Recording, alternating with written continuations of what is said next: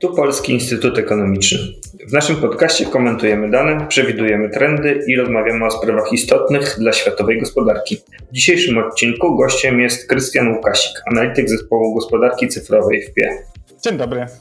Porozmawiamy dzisiaj o tym, czym są kryptowaluty i o ich roli w związku z rosyjską agresją na Ukrainę. Nazywam się Jan Strzelecki i zapraszam do słuchania.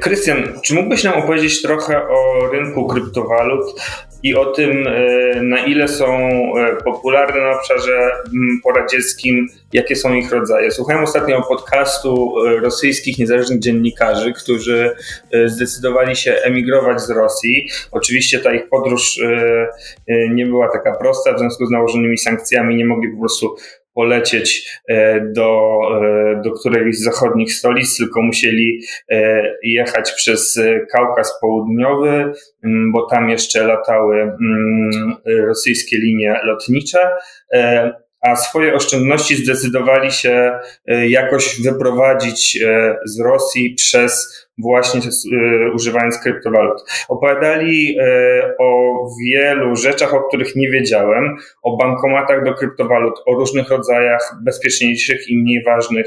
Możesz opowiedzieć, jakie są takie podstawowe fakty, które powinniśmy znać, myśląc o tym, jak wyprowadzić pieniądze z kraju obłożonego sankcjami poprzez kryptowaluty.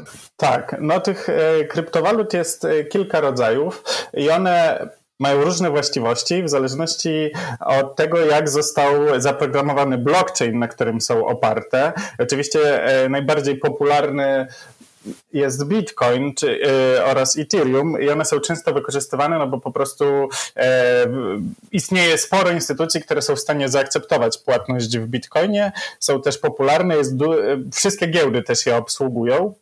Natomiast istnieje więcej rodzajów kryptowalut i y, coraz popularniejsze stają się tak zwane stablecoiny, czyli takie kryptowaluty, których kurs jest na sztywno związany z kursem jakiejś waluty emitowanej przez rząd, na przykład dolara. No i takie kryptowaluty lepiej się sprawdzają do lokowania i przechowywania swojego majątku, ponieważ y, aż tak bardzo nie fluktuują i y, nie ma szansy, że kolejnego dnia nasza, nasze oszczędności skurczą się o 40%, jak to się może zdarzyć w przypadku Bitcoina. I w tym kontekście sankcji też e, istotną rolę odgrywają kryptowaluty, które mocniej stawiają na anonimowość, to znaczy są w jakimś tam stopniu e, w stanie ukryć źródło pochodzenia tej transakcji i przez to zapewniają większą anonimowość, bo tu może nie wszyscy wiedzą, że kryptowaluty nie są takim świetnym środkiem do. Mm, unikania nadzoru jakichś organów regulacyjnych, przez to, że ta architektura blockchainowa zapewnia bardziej pseudoanonimowość niż anonimowość. To znaczy, że do każdej transakcji przypisany jest e, hash, czyli taki trochę nasz numer konta, po którym możemy prześledzić, jak wyglądały wszystkie transakcje. Czyli nie ma tam naszego imienia i nazwiska, natomiast mamy ten swój klucz, który trochę jest takim naszym pseudonimem i jeżeli dowiemy się, kto stoi za danym kluczem, no to wiemy już, jak dysponował swoimi środkami i takie rzeczy się zdarzają, da się do tego dojść. E, więc e, tu powiedzmy, że są te trzy główne rodzaje kryptowalut. Czy możemy powiedzieć na ile, czy są jakieś dane, ponieważ ten rynek jest, e, rozumiem, w dużej mierze umyka takim tradycyjnym statystykom, na ile to jest w ogóle popularne na obszarze poradzieckim, no a zwłaszcza w Rosji objętej teraz sankcjami? No tak, to jest ten problem, że ciężko dotrzeć do jakichś dobrych danych. E, jedną z głośniejszych informacji jest ta, że Rosja jest trzecim największym e, kopaczem e, kryptowalut, czyli tam są, tam są wytwarzane kryptowaluty.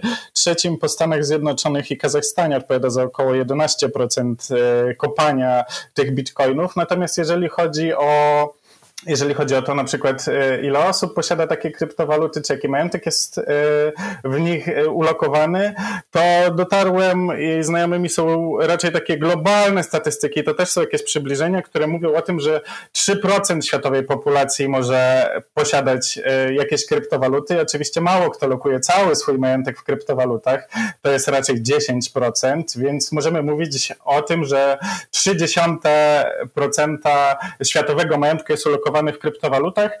No i nie sądzę, że istnieje powód, by wątpić, że te liczby też się nie aplikują do Ukrainy czy Rosji. Więc z dużym dość przybliżeniem myślę, że możemy mówić o takim odsetku czy Białorusi, która też objęta jest sankcjami i jak wiemy ma stosunkowo prężny sektor IT, co może sprzyjać temu, żeby Białorusini też e, wykorzystywali te, ten sposób przekazywania czy inwestowania. E, Powiedz, a w jaki sposób kryptowaluty mogą służyć na takim większym poziomie niż poziom indywidualnego, szarego człowieka do omijania sankcji e, poprzez instytucje e, finansowe, firmy czy, no, czy, czy, czy grubych, e, grubych oligarchów? Czy może zacznę od tego, że Bitcoin i zanim też reszta kryptowalut w swoim założeniu powstały właśnie po to, by unikać różnych centralnych organów nadzorujących czy różnego rodzaju pośredników finansowych i one umożliwiają transakcje peer-to-peer, to znaczy od użytkownika prosto do użytkownika. I dzięki temu e, w kontekście sankcji pozwalają na na przykład e, dokonywanie różnych międzynarodowych e, transakcji przez osoby objęte sankcjami, czy przez różne podmioty objęte sankcjami, Oczywiście ta zdecentralizowana struktura jest trochę mitem, ona jest trochę teoretyczna,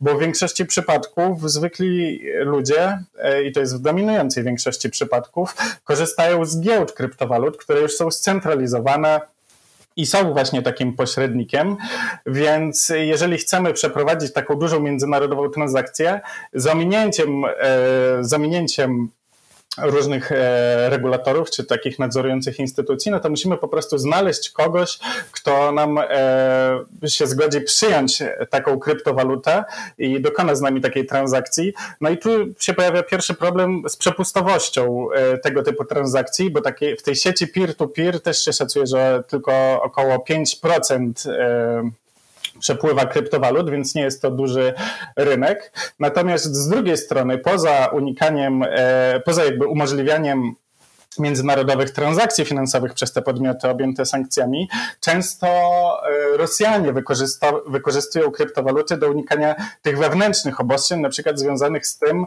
e, że nie możemy, że możemy wymienić tylko określoną ilość rubli teraz za za jakąś obcą walutę. No i jak wiadomo, ten kurs rubla szoruje pod nie, więc e, ludzie chcą od niego unikać. I te rosyjskie giełdy jakby dużo mniej są nadzorowane, dużo mniej są regulowane. Czyli wewnątrz rosyjskie, wewnątrz rosyjskie transakcje e, Rosjan, którzy próbują ominąć wewnątrz rosyjskie regulacje, które wprowadziły maksymalną kwotę, którą można wymienić na dolary. I jeszcze jest ten trzeci aspekt, on jest trochę tak z boku.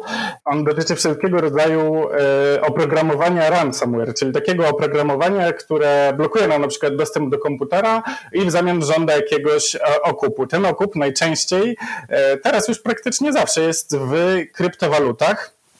I w ubiegłym roku około właśnie 74% światowych przychodów e, z tych ataków ransomware E, to trafiało do podmiotów, które w jakiś sposób są powiązane z Rosją. Kwotowo to jest 400 milionów dolarów, dolarów czyli tu mamy ten trzeci sposób, e, jak e, w świetle nałożonych sankcji kryptowaluty są wykorzystywane, czyli do takich nielegalnych aktywności, do ataków. Ale jaki to ma związek z sankcjami? Bo rozumiem, że to jest sposób hakerów na wyłudzenie okupu, tak? No tak, ale często ci hakerzy są powiązani z rządem i tu na przykład e, Korea Północna czy też Iran są dobrymi przykładami, jaki to ma związek z sankcjami, bo e, istnieją raporty i dane, które pokazują, że właśnie w ten sposób e, Korea Północna funduje swój program nuklearny z ominięciem sankcji, czyli po prostu oni zbierają w ten sposób kapitał i tak, z takim wsparciem rządowym po prostu jest to dużo E, dużo prościej można to zrobić. Czyli pozyskanie pieniędzy na przykład do sektorów, które są objęte sankcjami i nie można pozyskać inwestycji w inny legalny sposób na rynkach międzynarodowych. E, dokładnie, dokładnie. Czyli mamy te trzy aspekty. Jeden to jest omijanie pośredników z E, w transakcjach międzynarodowych, drugi to jest właśnie e, wymienianie e, swoich pieniędzy. Oczywiście też Rosja roz planuje rozwijać swój ten stablecoin, czyli tę kryptowalutę powiązaną z kryptem, z kursem rubla, tak zwanego cyfrowego rubla. No i to też ma pomóc z tego co rozumiem, w uniknięciu korzystania z dolara w transakcjach transakcjach międzynarodowych, no tylko trzeba znaleźć tę drugą stronę, która będzie, przy, która będzie w stanie przyjąć takiego cyfrowego rubla, a nie wydaje mi się e, to póki co jakoś mocno zauważalne.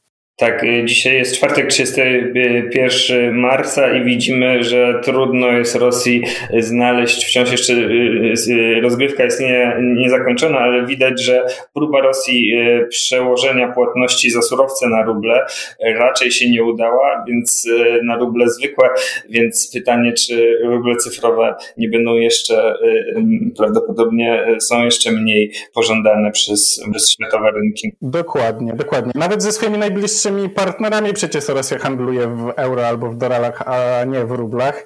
I wydaje mi się, że jeszcze ciężej będzie ich przekonać do akceptowania takiej alternatywnej metody płatności, która z rublem przecież i tak jest powiązana na sztywno. Krystian, a od 24 lutego, od kiedy trwa ta pełnoskalowa inwazja na Rosji na Ukrainę, czy możemy powiedzieć o jakimś zwiększonym popycie na kryptowaluty? Czy to widać na jakichś danych? Czy można stwierdzać, właśnie stwierdzić, że, że Rosjanie czy rosyjskie podmioty uciekają do kryptowalut od, e, od rubla? Tak, e, no to znaczy wolumen obrotu między rublem a kryptowalutami zwiększył się trzykrotnie na no, takie statystyki natrafiłem. Natomiast no, ten wzrost zainteresowania dotyczy w szczególności klientów e, detalicznych, to znaczy zwykłych Rosjan, którzy teraz agresywnie kupują kryptowaluty, ale raczej na małe kwoty. No, obrót e, Rosji stanowi niewielki ułamek całkowitego światowego wolumenu bitcoina. Średni dzienny wolumen obrotu bitcoina waha się różnie tam od 20 miliardów dolarów do 40 e, miliardów dolarów. A przykładowo 5 marca całkowity wolumen obrotu e, bitcoinu, bitcoinu do rubla wynosił około 14 milionów, więc jest to jest to niewielki odsetek. No Bitcoin tylko w tym tygodniu urósł o 12% i jest w szczytowym w swoim e, punkcie od początku roku. Natomiast e, nie do końca jestem przekonany, czy możemy to tak ściśle wiązać z sytuacją w Ukrainie. E, a powiedz, czy powiedz w takim razie o sankcjach, jakie nałożono, ponieważ to ryzyko omijania sankcji na sektor finansowy przez właśnie kryptowaluty no jest wskazywane od dawna, jeszcze, jeszcze przy poprzednich tak zwanych krymskich sankcjach wiele instytucji podnosiło ten problem i w związku z tym szereg państw nałożyło pierwsze sankcje także na kryptowaluty. Co one, co one tutaj zmieniają? w tym, w tym sposobie omijania sankcji, w czym mogą pomóc, jak uszczelnić sankcje, na czym polegają. Tak, masz rację. Już um, w październiku zeszłego roku Departament Skarbu Stanów Zjednoczonych po zakończeniu takiego sześciomiesięcznego śledztwa uznał, że kryptowaluty stanowią realne zagrożenie dla amerykańskiego e, programu sankcji.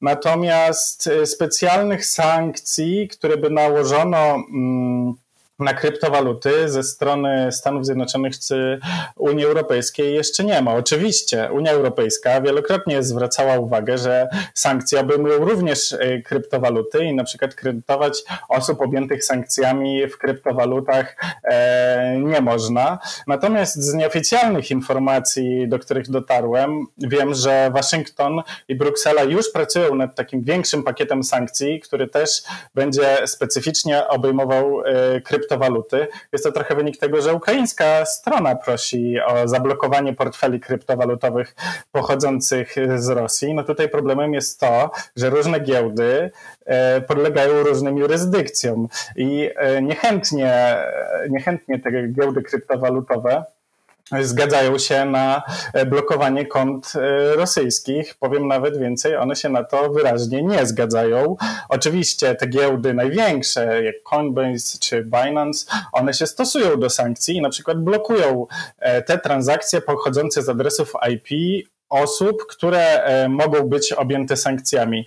Natomiast te największe giełdy kryptowalutowe, które też podlegają amerykańskiej jurysdykcji, odmówiły wycofania się z Rosji, więc tu też może warto wspomnieć o absurdalnym liście prezesa mm, tej giełdy Binance, w którym on właśnie argumentował, że wyjście z rynku rosyjskiego nie jest dobre dla biznesu, a co więcej, e, kryptowaluty w Rosji szkodzą Rosjanom, ponieważ e, osłabiają rubla i tak naprawdę Rosjanie nie chcą, e, w sensie rosyjski rząd nie chce nie, nie chce mieć u siebie kryptowalut, co oczywiście jest sprzeczne z e, tym ich programem rozwijania cyfrowego rubla. No i tu natomiast e, też wydaje mi się, że e, brakuje takiego odzewu społecznego względem kryptowalut. To znaczy, tak jak konsumenci bojkotowali Nestle czy Leroy Merlin za to, że nie wychodzą z Rosji, tak nie widzę w tym środowisku osób zainteresowanych blockchainem czy kryptowalutami oburzenia na to, że te firmy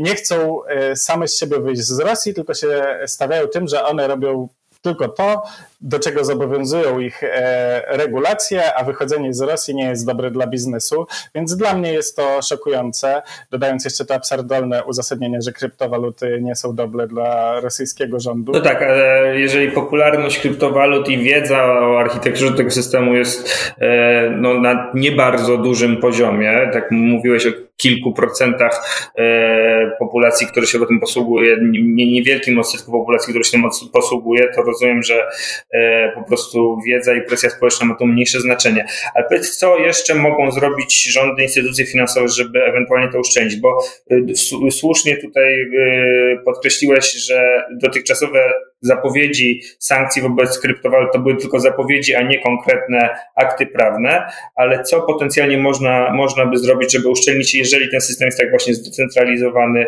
także pod względem geograficznym, rozsiany po świecie?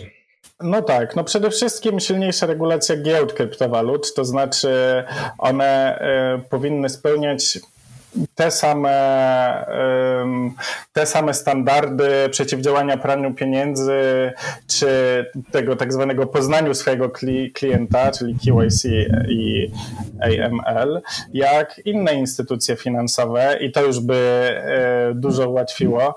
No, druga rzecz to jest jeszcze zbudowanie narzędzi, e, które pozwoliłyby jeszcze wychwytywać w tym najbardziej newralgicznym e, momencie unikania sankcji e, pozwoliłyby zbudować jakąś, jakieś takie procedury przeciwdziałania temu. Tym najbardziej newralgicznym momentem jest to, kiedy my chcemy z powrotem kryptowaluty zamienić na e, walutę emitowaną przez jakiś rząd, na przykład na dolara, bo tu, gdy e, transakcje są duże, no to łatwo to wyśledzić i powinni się tym zajmować ci wszyscy pośrednicy. Przez pośredników rozumiem giełdy, ale też te bankomaty kryptowalutowe, w których możemy, możemy wymienić. Wypłacić realną gotówkę już z bankomatu. Wypłacić, e, tak, e, realną gotówkę.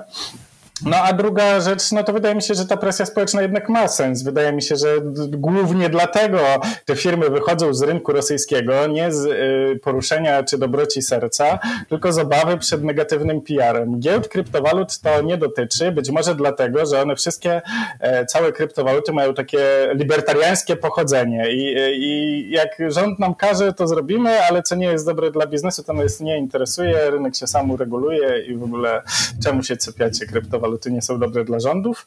E, więc wydaje mi się, że to są trzy rzeczy. Jestem bardzo ciekaw, co się pojawi w tych sankcjach kryptowalutowych.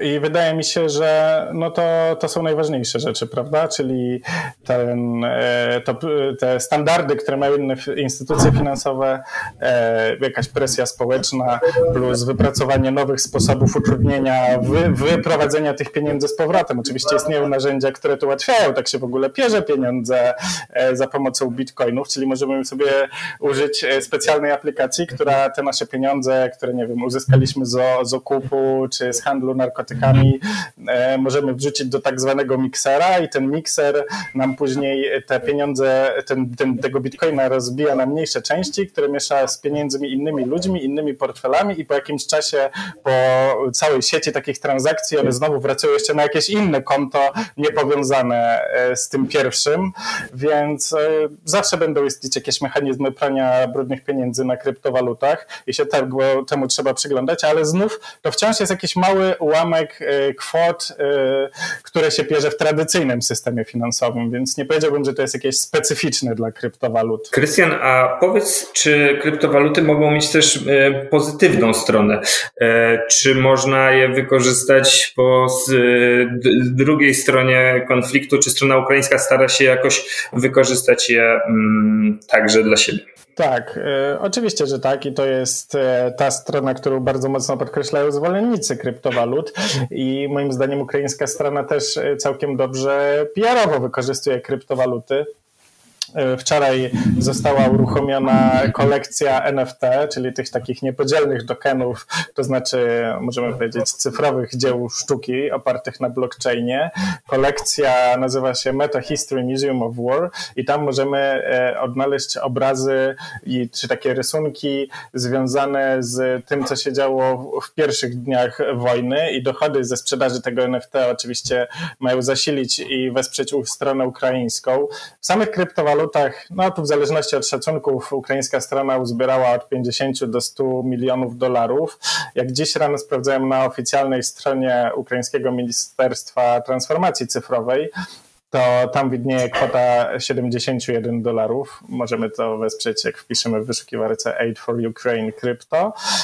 Um, no i tu też y, nam to trochę pokazuje zmianę nastawienia ukraińskiej e, strony względem kryptowalut. Sama legalizacja kryptowalut podpisana przez Zełenskiego nastąpiła dopiero 16 marca, czyli dość późno. Czy jest to skuteczna, e, czy jest to skuteczny sposób na wspieranie ukraińskiej strony? No, wydaje mi się, że jest skuteczny o tyle, że się odzywa do jakiejś konkretnej, do jakiegoś konkretnego środowiska osób związanych z kryptowalutami czy blockchainem. Co ważne, też dostawcy pożywienia czy kamizelek kuloodpornych akceptują płatności w bitcoinie od ukraińskiej strony, więc w tym sensie jest to pożyteczne. A jak w ogóle jest użyteczne, no to ciężko powiedzieć. Ta kwota tak naprawdę, choć oczywiście potrzebna jest niewielka w całym mm, całej poli pomocy, którą otrzymuje ukraińska strona. Trzeba też mieć jakąś techniczną wiedzę, żeby taką dotację złożyć. E, natomiast e, fajne wydaje mi się to, że jest to taka crowdfundingowa metoda, która właśnie trochę omija pośredników, takich jak te platformy crowdfundingowe, które, jak pamiętamy, blokowały niektóre zbiórki, ponieważ w sprzeczności z regulaminem było finansowanie rzeczy związanych na przykład z uzbrojeniem. Więc e, to jest ta jasna strona i Ukraina też ją całkiem sprawnie wykorzystuje tak e, marketingowo i słusznie. Bardzo dziękuję. W dzisiejszym podcaście gościem był Krystian Łukasik. Rozmawialiśmy o tym, czym są kryptowaluty, jak są wykorzystywane, mogą być wykorzystywane przez Rosję do omijania sankcji, jak wykorzystywane są przez Ukrainę i co może zrobić Zachód, żeby uszczelnić sankcje, tak by nie były łatwo obchodzone za pomocą kryptowalut. Dziękuję bardzo. Dziękuję.